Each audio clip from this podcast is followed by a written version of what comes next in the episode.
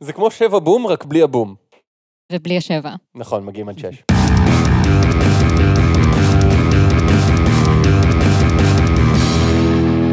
שלום לכולם, אני גל, איתי נמצאים חגי היי, וליבי. היי, למזק, למה זה קיים? המקום בו אנחנו שואלים את השאלה שהיא השם שלנו, והפעם, דעתון. חגי, דעתון. למה זה קיים? אז דעתון הוא אתר אינטרנט שבו כל אחד יכול להירשם ככותב ולפרסם מאמרים. וואו, זה נשמע כמו משהו שאין בכלל בשום מקום באינטרנט. לא, באמת, כאילו, חייב להיות להם איזשהו גימיק הרי. לטוויטר היה את הקטע של הגבלת תווים, לאינסטגרם שזה בעיקר תמונות כזה, לפייסבוק יש נאצים. כאילו, מה הגימיק של דעתון? הגימיק של דעתון הוא שכל פוסט של גולשים מעוצב כמו מאמר רציני, ובמבט ראשון, למי שלא מכיר את האתר, קשה להבין שלא מדובר בכתבה עיתונאית באתר חדשות. אוי, לא. או כמו שהם כותבים על עצמם, אתר דעתון אינו פורטל תוכן גולשים ייחודי המבוסס על הרעיון כי כל אדם שיש בו התשוקה לכתיבה יכול לכתוב ולפרסם ידיעות, דעות וסיפורים בנושאים שונים. קיומו של אתר דוגמת דעתון מאפשר לכל גולש, ללא הבדלים סוציו-אקונומיים, דת, גזע או מין, לכתוב על אירועים וחוויות ממקום אישי וסובייקטיבי.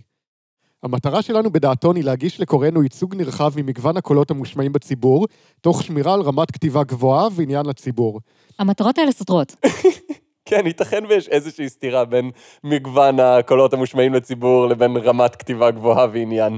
כן, למזק מוכיח את זה בצורה די טובה נראה לי. כן, לעשות משהו שהוא גם לא מייצג וגם לא מעניין זה די קל. אני עושה את זה כל יום. בימים של שינויים טכנולוגיים רבים ומתן כוח כביר לאינדיבידואל, אתר דעתון מבין שהיכולת להשפיע על סדר היום נמצאת אצל כל אחד ואחת מהגולשים. כן, אני חושב שזאת חלק מהבעיה של האינטרנט היום, לא? הם אלו שייצרו את הטקסטים באתר, הם אלו שיקראו אותם, והם אלו שיחליטו מהם המסרים שאותם הם מעוניינים לספוג.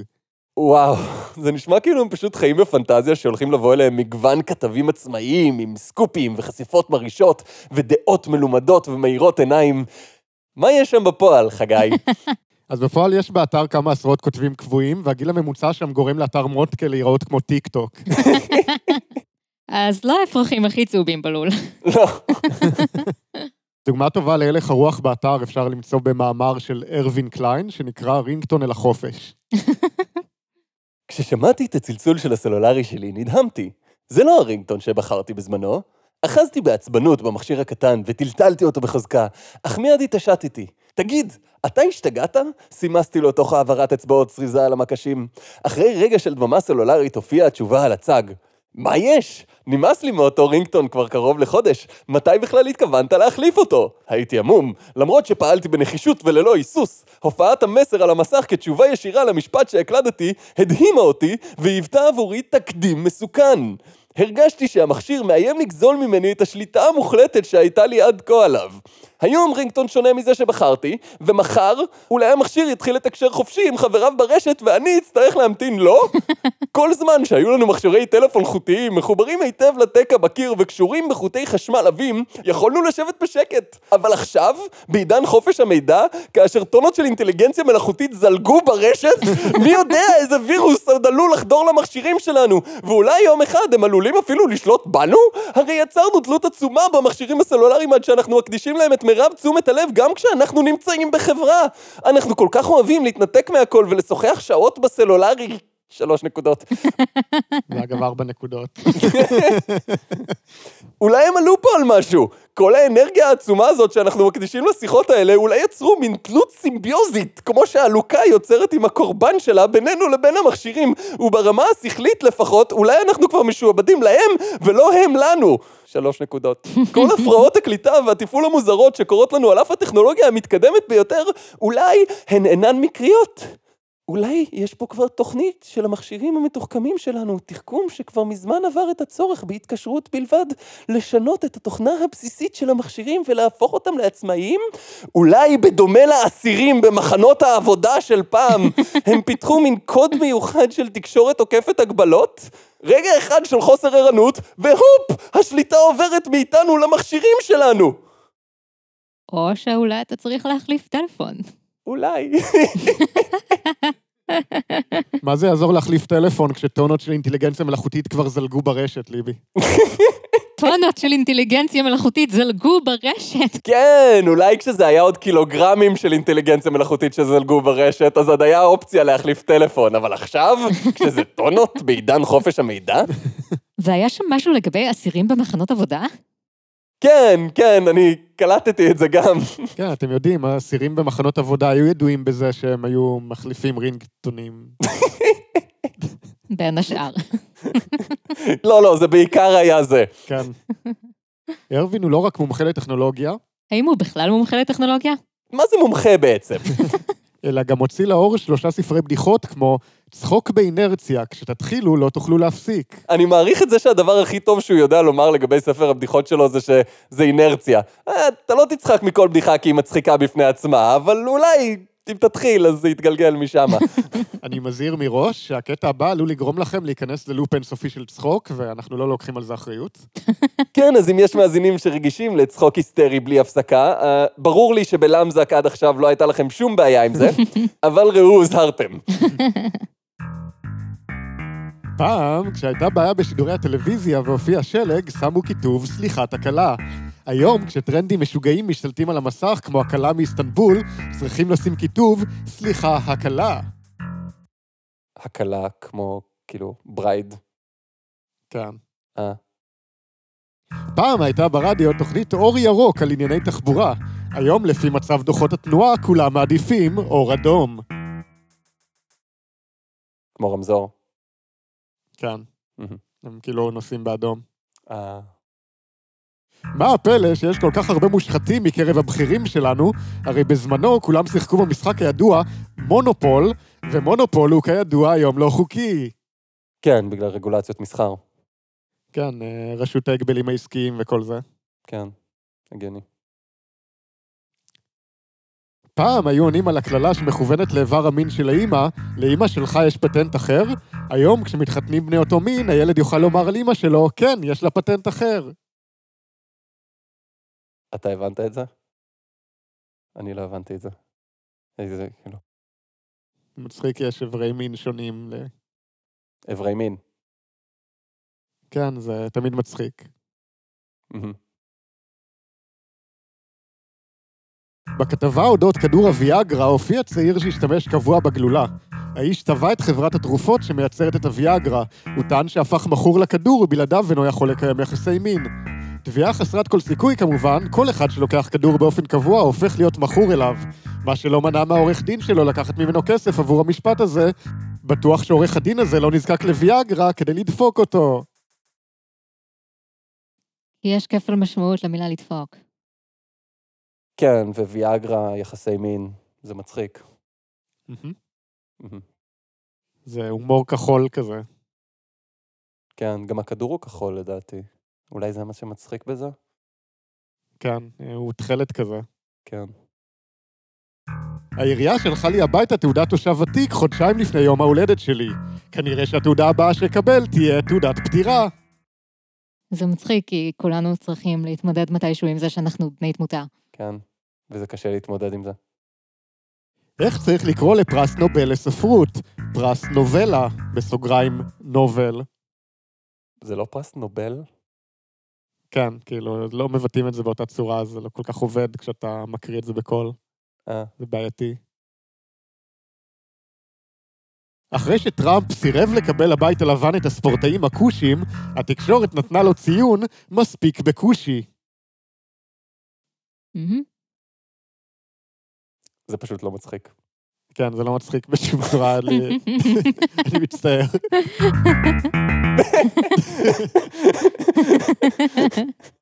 נראה שהוא עלה פה על ניסוח משפטי מאוד מעניין, כאילו, כשתתחילו, לא תוכלו להפסיק, אבל אם לא תתחילו, אז לא תצחקו בכלל, וזה בסדר. אמת בפרסום. אבל זה לא הכל בדיחות. היו בדיחות? יש גם מדור המלצות טיולים, או, והיום נבקר במקום נידח ואקזוטי בשם חדרה. נשמע מצמרר. מה הפירוש של המילה חדרה? בערבית הפירוש הוא ירקרק, ואכן, אם מבקרים היום בחדרה, יש בה הרבה ירק. וירוקת. יש הרבה מה לראות בחדרה, ואם רוצים לראות הכל, צריך לבקר בה כמה פעמים. המילה אם עושה הרבה עבודה במשפט הזה. היום גם אפשר ללון בה, כי שופץ ונבנה מבנה חדש המשמש מלון נהדר על חוף הים. המלון ששמו מלון רמדה חדרה, משמש גם למרגוע וחופשה וגם לאנשים עסקיים המעוניינים לבקר או להתגורר בחדרה. ביקרנו במלון והוא עומד בכבוד בכל הסטנדרטים המקובלים למלון יוקרה בדרגה גבוהה. בחדרה. מקום היסטורי נוסף הינו הקיוסק הראשון של חדרה, שהיה קיים בין השנים 1926 עד 1956, ושוחזר בשנת 2016 כמקום היסטורי בו נמכר הגזוז הראשון בחדרה. כך נקרא אז המשקה, שהורכב מסודה וסירו פירות בטעמים שונים. אה, אז זה מה שאומר גזוז. כן. אני מניחה שבמובן מסוים כל מקום שקרה בו משהו הוא מקום היסטורי. ביקרנו גם בבית יהושע ואולגה חנקין הנמצא על שפת הים במקום גבוה על צוק מעל הים המשקיף על כל הסביבה. זהו מבנה הקיים משנות ה-30 של המאה שעברה ששופץ היום והפך למוזיאון. משפחת חנקין לא התגוררה מעולם במקום. וגם מקום שלא קרה בו כלום. זה מוזיאון הבתים שבהם משפחת חנקין לא התגוררה. כן, משמאלכם אתם יכולים לראות בניין שמעולם לא התגורר בו ראש הממשלה יצחק רבין, וכאן אתם יכולים לראות אנדרטה לזה שלוי אשכול לא נרצח אף פעם. בהמשך היום אנחנו נלך לאתר למורשת המלחמה שמישהו חשב פעם להתחיל, אבל לא באמת עשה עם זה שום דבר. ביקרנו גם בקניון לב חדרה. מקום יפה, מפואר, ענק, עם חנויות, מתקני בידור לילדים, ובריכת גלישה היחידה בארץ ואחת הגדולות בעולם, אם לא הגדולה מכולן. אני בספק. כן, סביר להניח שהוא טועה. המוטו של העיר הוא עיר עם אנרגיה. המוטו משלב את העובדה שתחנת הכוח הגדולה בארץ ממוקמת בעיר ומספקת אנרגיה לארץ, וכן, את המרץ היוזמה, האנרגיה של האנשים המפתחים את העיר ודואגים לפריחתה ושגשוגה. כן, אתם יודעים, כמו שפתח תקווה זה עיר עם... אה, אה, פתח תקווה זה... אני לא מספיק יודע על פתח תקווה משהו כדי להשלים את הבדיחה הזאת, אני מצטער. יש להם בית קברות מאוד יפה. לראות או לא לראות, מומלץ לבקר, כי כל עוד לא מבקרים בה, לא יודעים על העיר היפה והמקסימה שיש בה הרבה מה לראות. זה נכון עבור כל עיר. נכון. כאילו כל דבר, כל עוד אתה לא חווה אותו, אז אתה לא... צ'רנוביל. כל עוד לא מבקרים בה, לא יודעים על העיר היפה והמקסימה שיש בה הרבה מה להראות. עכשיו צ'רנוביל, זאת עיר עם אנרגיה. האנרגיה פשוט קורנת החוצה אליך. כן, מעולם לא פגשתי בן אדם שמתגורר בצ'רנוביל שלא היה מלא באנרגיה. אותו כותב גם פרסם תחת קטגוריית ביקורת מסעדות. את הביקורת שלו על חלבה בטעם מלבי. האם זאת מסעדה? חברת אחווה השיקה חלבה חדשה בטעם מלבי. הטעם שהחברה משיקה כעת אינו מקובל, ולמיטב ידיעתי אין חברה אחרת בארץ או בעולם שמייצרים חלבה בטעם מלבי. מלבי זהו פודינג מוצק המוגש כקינוח שמקורו בטורקיה וארצות הבלקן. הוא מאוד מקובל אצל היהודים מהעדה המזרחית ים תיכונית, או מזרחית אחרת. כן, כל יהדות מזרחיה אוהבת מלאבי. אני זוכר שביפו מכרו את הקינוח הזה, ותמיד היו תורים ארוכים כדי לקנותו. הטעם של החלבה הוא כטעמו של המלאבי המוצק. מאחר ואינני אוכל מלאבי, מסתפק אני בכתוב לגבי הטעם של המלאבי, כי אינני יודע מהו. מה? אז למה אתה עושה על זה ביקורת? לא יודע, היה לי בבית, אז... אה, היום נבקר בשיפודי עזרא ובניו. אני אישית טבעוני, אבל נראה שהסועדים במקור מבסוטים, אני יודע. חלבה זו, ככל סוג של חלבה אחווה, כגון בטעם שוקו או וניל הידועים לכולם, טובה לקינוח ולכבד אורחים, כאשר חותכים אותה למלבנים, בגודל הרצוי למארח, תלוי אם הוא רוצה לחסוך, או להיות נדיב, אל אורחיו. מנומק. עכשיו אני יודע את כל האפשרויות, איך אפשר בדיוק להגיש חלבה. בכוונת החברה להשיק כל פעם חלבה בטעם שלא היה מקובל עד כה, וכך לגוון את הטעמים, כדי שכל אחד יוכל למצוא את הטעם האהוב שלו ביותר. ההתעניינות של הצרכנים בטעמים מיוחדים וחריגים שלא היו, גדולה ביותר. אני ממש מצפה לביקורות נוספות שלו על סוגים אחרים של חלבה, ואיך אפשר לחתוך אותם. או לא לחתוך אותן, ולאכול עם חברים, או לבד, אם אין חברים, לאכול איתם. חלבה. פרק זה מוגש לכם בחסות חלבה! מאכל שאפשר לאכול, או לא לאכול, בטעמים שונים, או רגיל, בקופסה גדולה, או באריזה אישית, עם כפית, או ישר בביסים, חלבה, כי אין גבול לכמה שאנחנו מסוגלים לחלוב את הבדיחה הזאת. וכמובן, המדור לא חיכיתם, סקס וזוגיות. אני חושב שתיאור מדויק הוא לא חיכיתם, לא חיכיתם בכלל. זה כמובן המדור שיש בו בדיוק את התכנים שאתם מדמיינים. סקס, צעצועים וסרטים מצוירים. כבר התחלנו רע. בשקט בשקט, מתחת לאזור חלצינו, מתפתחת בעולם תרבות חדשה. הכל התחיל ביפן לפני עשור או שניים, תמיד הם הראשונים לשנות את השווקים. צעירים יפנים הפסיקו להתחתן, בדיוק כך. חבר'ה צעירים, נשים וגברים בגילאים שבין 18 עד 34, החליטו מסיבות כלכליות לחיות בגפם. ואם חשבתם עצרו בחתונה, חישבו שנית. הם גם אינם מעוניינים לקיים מגע מיני ואפילו סולדים ממנו. הייתכן? אני מנסה לדמיין אותי ללא סקס. לא, זה בלתי אפשרי. מספר שבועות, ואני עולה לקומת המסעדה של מגדלי עזריאלי, לוקח 12 חברים קרובים, מושיב אותם באותו סדר שבו ליאונרדו דה וינצ'י צייר את ישו וחבריו רק ליד החלון, תוקע ארוחה עתירת שומן עם קינוח מאלף, והופ! אז היפנים והיפניות החליטו לקחת פסק זמן אחד מהשנייה, ומה באמת הם עושים עם הצורך סלש הרצון סלש החרמנות?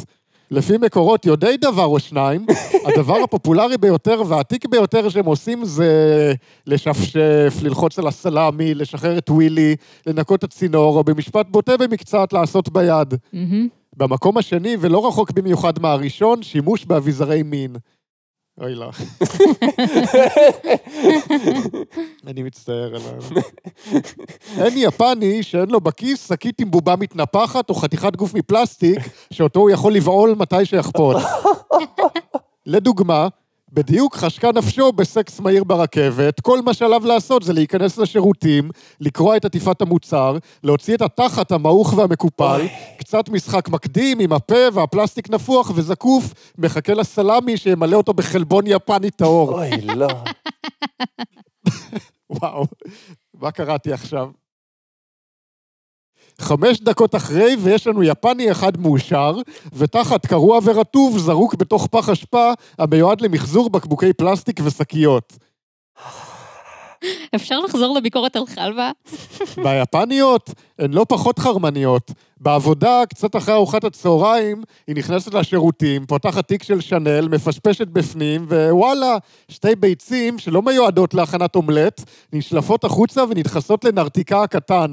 לא נרתיק מאור מעובד או זמש, נרתיק חי ונושם שנמצא אי שם בין הפופיק לבוין של הרגל השמאלית שלה. זה מיקום נורא לא ספציפי.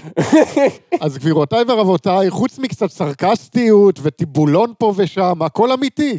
ולא רק, כי אם העניין מתפשט לאיתו בעולם, יותר ויותר גברים מחפשים סקס וירטואלי מאשר מגע מיני עם הצד השני. למה? הרי הדבר הכי בעולם זה הקרבה, האהבה, המגע, המחויבות. הדורות הבאים אינם רוצים מחויבות, הגבלה, שליטה, ילדים, יש עוד. כמה אנשים אתם מכירים שרוצים חתונה אזרחית? כמה אנשים אתם מכירים שרוצים לחיות ביחד ללא חתונה? כמה צעירים אחרי צבא אתם מכירים שגרים עדיין אצל אמא או אבא, ובכלל לא מדמיינים את עצמם בקשר רציני, שלא לדבר על חתונה? וכל זה רק בישראל, ומדינת ישראל נחשבת לשמרנית בנושא. וואו, זה היה נוראי.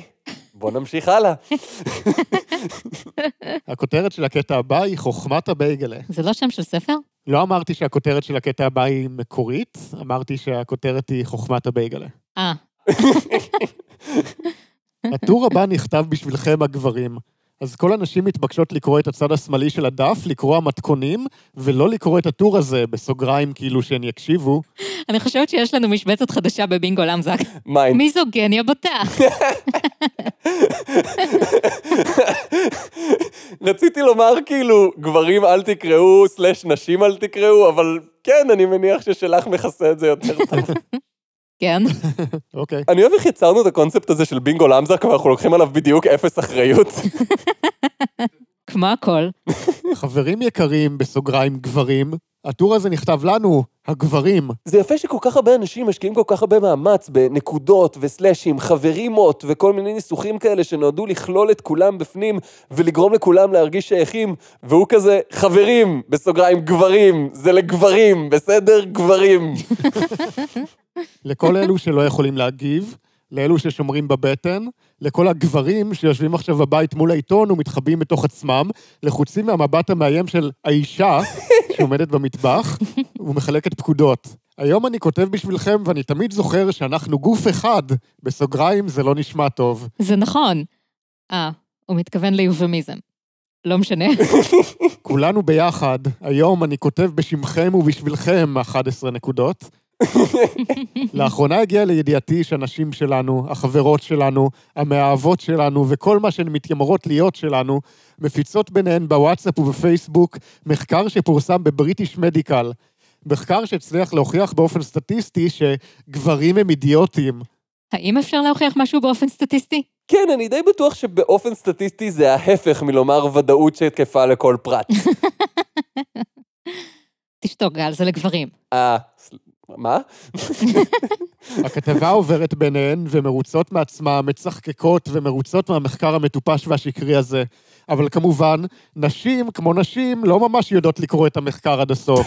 הן מתעכבות על הכותרת ולא על האותיות הקטנות. ראיתם פעם אישה שמסתכלת על המחיר של החולצה? אם יש לכם בבינגו למזק משבצת של מיזוגניה בוטה, תסמנו אותה, ואז תסמנו אותה עוד פעם, ותחזרו על זה עוד ועוד עד שיש חור בנייר. אבל אני, עבדכם הנאמן, השקעתי שעות וימים וקראתי את המחקר, והרי המסקנות שלי. המחקר מוכיח באופן חד משמעי שגברים מגיעים למיון בבית החולים בתדירות גבוהה יותר מנשים, ומתנהגים באופן בלתי צפוי ומסוכן, ומכאן נובע שהתמותה שלנו היא גבוהה יותר. שזה שונה לגמרי מלהיות אידיוטים. החוקרת קתרין ערכה את המחקר שלה על 380 אנשים, מתוכם 200 גברים ו-180 נשים. רוב הגברים נשואים. זה לחלוטין משפט שהוא הכניס כדי להוכיח לנו שהוא כן קרא את המחקר המקורי. הוא, אני יודע לצטט את השם של החוקרת.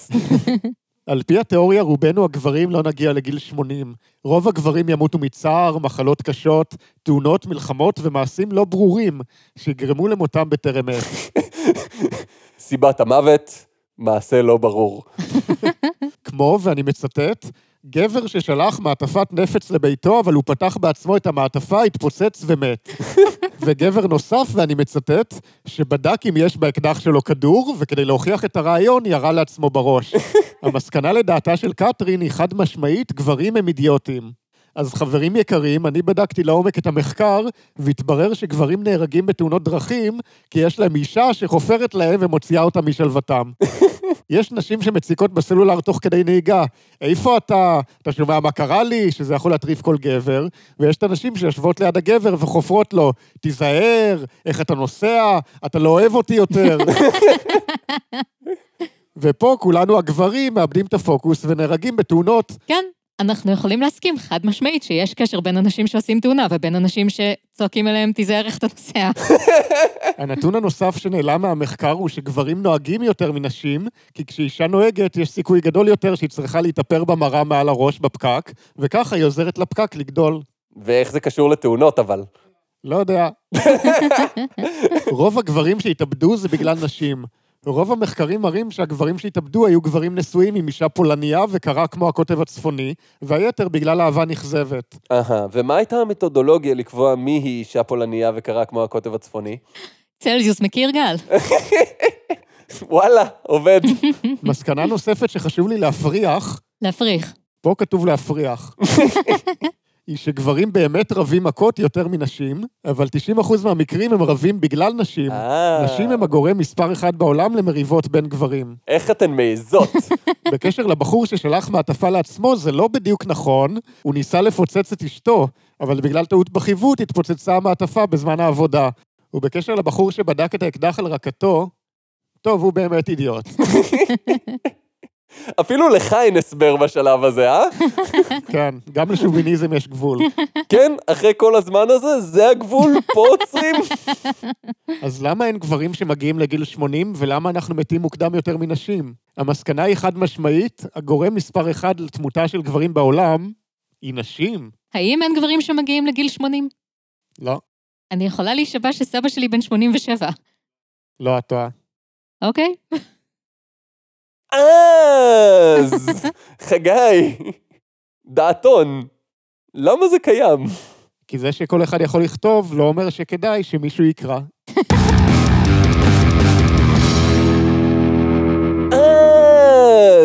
היה פרק 54 של למזק. אם גם לכם יש משהו שגורם לכם לשאול למה זה קיים, אה, נתקלתם בערימת ספרים ברחוב או פרסומת חשודה באינטרנט, וחשבתם לעצמכם שהדבר הנכון והחכם הוא להמשיך הלאה בחיים שלכם ולא להתעכב על זה, אז אל תעשו את זה, ותשלחו לנו במקום. המון מהפרקים שלנו עד היום, וחלק מהטובים ביותר, היו דברים שאתם שלחתם לנו, אז כל הפרטים איך ליצור איתנו קשר נמצאים בתיאור של הפרק. חוץ מזה, הפטריון שלנו עדיין חי וקיים, ומימן לנו כרטיס קול חדש שאנחנו משתמשים בו בפרק הזה בפעם הראשונה. אז תודה לכם, פטרונים. תודה. תודה. אז אם אתם רוצים לשמוע בונוסים כמו דקה ומשהו שלנו מדברים על פוקימון, או מאמרים מדעתון שלא היה לנו זמן לדבר עליהם בפרק, הלינק לפטריון בתיאור למטה, כאן אני מצביע, אבל אתם לא רואים כי זה פודקאסט. אה, זה היה פרק 54 של למזק, בו למדנו שהיה פעם קיוסק שמכר גזוז בחדרה. לא בכל פרק לומדים משהו מעניין. אז אה, ביי! ביי. ביי.